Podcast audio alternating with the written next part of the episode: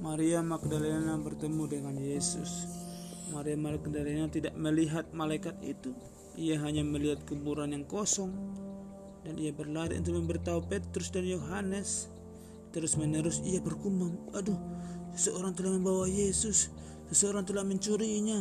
Ia bertemu dengan Petrus dan Yohanes, katanya kepada mereka, ayo, ayo, ayo cepat ke kebun, kuburan telah kosong, Yesus telah dibawa orang. Dalam sekejap Petrus dan Yohanes pun sudah siap. Mereka berlari ke kebun, mereka juga berlari. Tapi Petrus dan Yohanes berlari lebih cepat.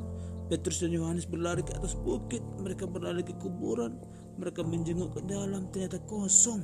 Lalu mereka melangkah masuk ke kuburan.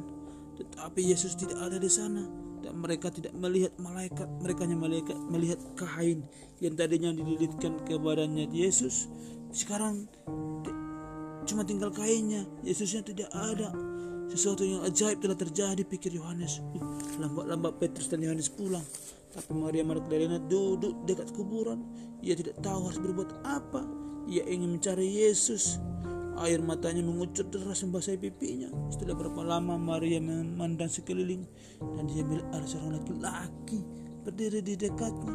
Laki-laki itu bertanya kepada Maria, Hei Maria, mengapa engkau menangis? Siapa yang kau cari? Maria menduga ini tentulah tukang kebun. Ia pasti tahu ke mana mereka membawa Yesus. Jadi Maria bertanya, apakah engkau membawa Yesus? Tolong katakan, di mana ia engkau letakkan? Kata laki-laki itu, Maria. Lalu Maria sadar, uh, bahwa itu Yesus.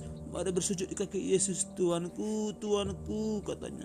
Kata Yesus kepadanya, sekarang pergilah dan beritahukanlah kepada murid-muridku bahwa aku naik akan naik ke surga kepada Bapakku dan Bapamu.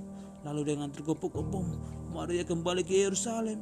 Betapa sukacitanya dia. Ia berlari untuk memberitahu murid-murid, aku bertemu dengan Yesus. Ia sudah bangkit, bilangnya.